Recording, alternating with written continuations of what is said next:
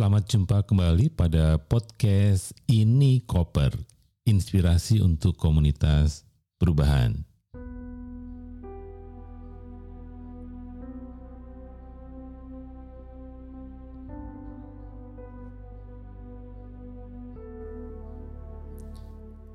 Hari ini saya ingin berbagi tentang apa saja yang penting diperhatikan pada saat kita akan merancang sebuah kegiatan yang kreatif khususnya kaitannya dengan proses fasilitasi sebuah kelompok atau institusi.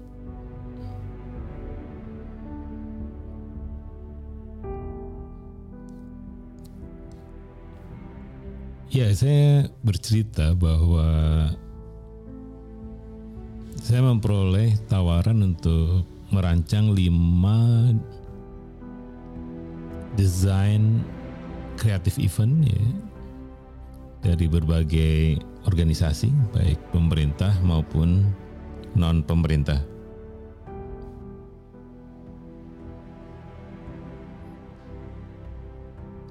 Yang pertama yang saya lakukan adalah menanyakan kepada mereka apa sebenarnya tujuan yang ingin dicapai pada kegiatan itu. Karena kalau saya tidak memahami apa yang menjadi tujuan dari pertemuan itu, saya sebenarnya agak ragu untuk bisa membantu bagaimana membuat sebuah acara yang kreatif, interaktif, dan sesuai dengan objektifnya mereka.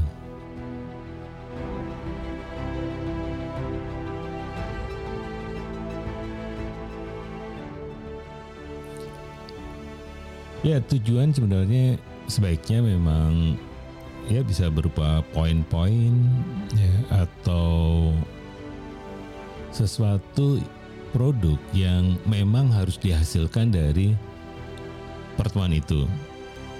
Karena sifatnya bisa diukur atau tangible, ada juga yang sifatnya tidak terukur. Kalau yang terukur misalnya jelas bahwa di akhir sebuah proses harus ada sebuah dokumen yang berisi A, B, C, D misalnya. Tapi ada juga yang tidak terukur, misalnya pada akhir sebuah proses, diharapkan semua peserta antusiasme ya, meningkat untuk membantu organisasi itu mencapai targetnya. Nah ini yang kadang ya sulit bagi kita sendiri pada saat bagaimana merancang sebuah acara. Jadi yang pertama adalah tujuannya harus jelas. Kemudian yang kedua, saya menanyakan adalah beberapa hal yang sifatnya teknis ya. Misalnya jumlah pesertanya berapa, kemudian siapa saja mereka, ada dalam satu kantor atau beda kantor atau beda organisasi. Kemudian juga saya menanyakan tentang waktu yang dimiliki untuk sebuah pertemuan itu. Saya juga menanyakan misalnya tempat ya. Ini juga penting karena kadang di masa yang sekarang itu mereka meminta pertemuan apa tuh hybrid ya. Ada pertemuan hybrid. Nah, saya kadang selalu memberikan catatan kalau mereka meminta pertemuan yang sifatnya hibrida. Karena pertemuan hybrid itu memeras energi dan butuh tim yang solid.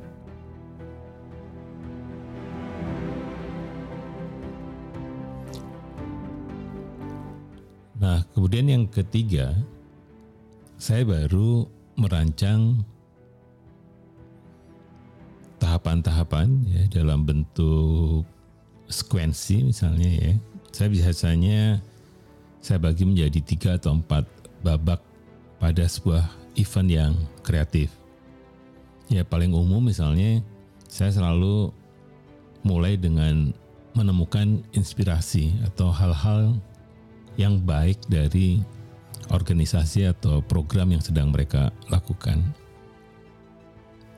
Kemudian bagian yang kedua biasanya tahapan untuk melihat ke masa depan, yaitu dengan mengajak mereka menetapkan goals atau objektif, outcomes, atau juga impian. Nah, yang lain sebenarnya adalah bahwa saya juga di bagian ini sebenarnya di bagian yang ketiga khususnya baru menemuk, merancang apa yang kita bisa lakukan untuk mencapai impian-impian itu. Ya karena dengan cara ini dengan tiga langkah ini inspirasi, impian dan inovasi dari pengalaman saya banyak cocok dengan apa yang mereka harapkan karena pertemuan-pertemuan itu pada intinya adalah satu memeriksa masa lalu ya bisa menjadi pembelajaran. Yang kedua membayangkan masa depan itu sifatnya bisa tiga bulan ke depan atau enam bulan ke depan bahkan bisa 10 tahun ke depan. Dan yang ketiga adalah bagaimana kita melihat gap yang harus dipecahkan oleh tim dari organisasi itu atau tim dari program itu atau tim dari ya inisiatif itu untuk bisa menjawab apa yang menjadi tujuan dari pertemuan. Jadi ini tips sederhana ya kalau kita ingin merancang satu tadi mengklarifikasi tujuan ya sebaiknya semakin rinci akan membantu perancang desain pertemuan itu menjadi lebih mudah.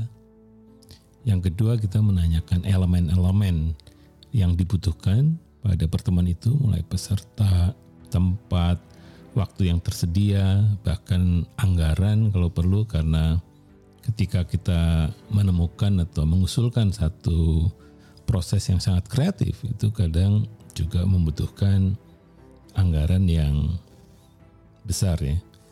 Tapi pada saat yang sama sebenarnya sering saya menanyakan bukan sekedar kreatif sebenarnya, tetapi juga bagaimana memberikan nilai tambah pada organisasi itu. Jadi mahal boleh, tapi juga kita harus memberikan bayangan bahwa dengan biaya itu akan mencapai sesuatu yang luar biasa.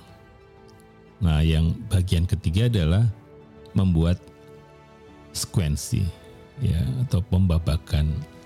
Nah, pembabakan yang dasar sebenarnya adalah selalu ada divergent thinking di bagian awal ya itu mengumpulkan banyak sekali informasi untuk bisa menjadi catatan.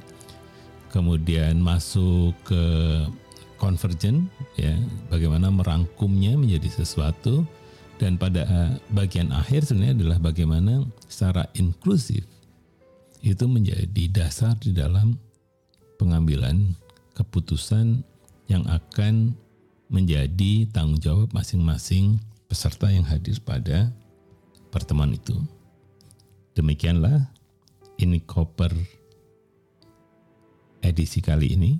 Harapannya kita bisa berjumpa lagi pada edisi berikutnya. Karena kami percaya apa pun ya materi yang kita bagi harapannya selalu bermanfaat bagi komunitas perubahan.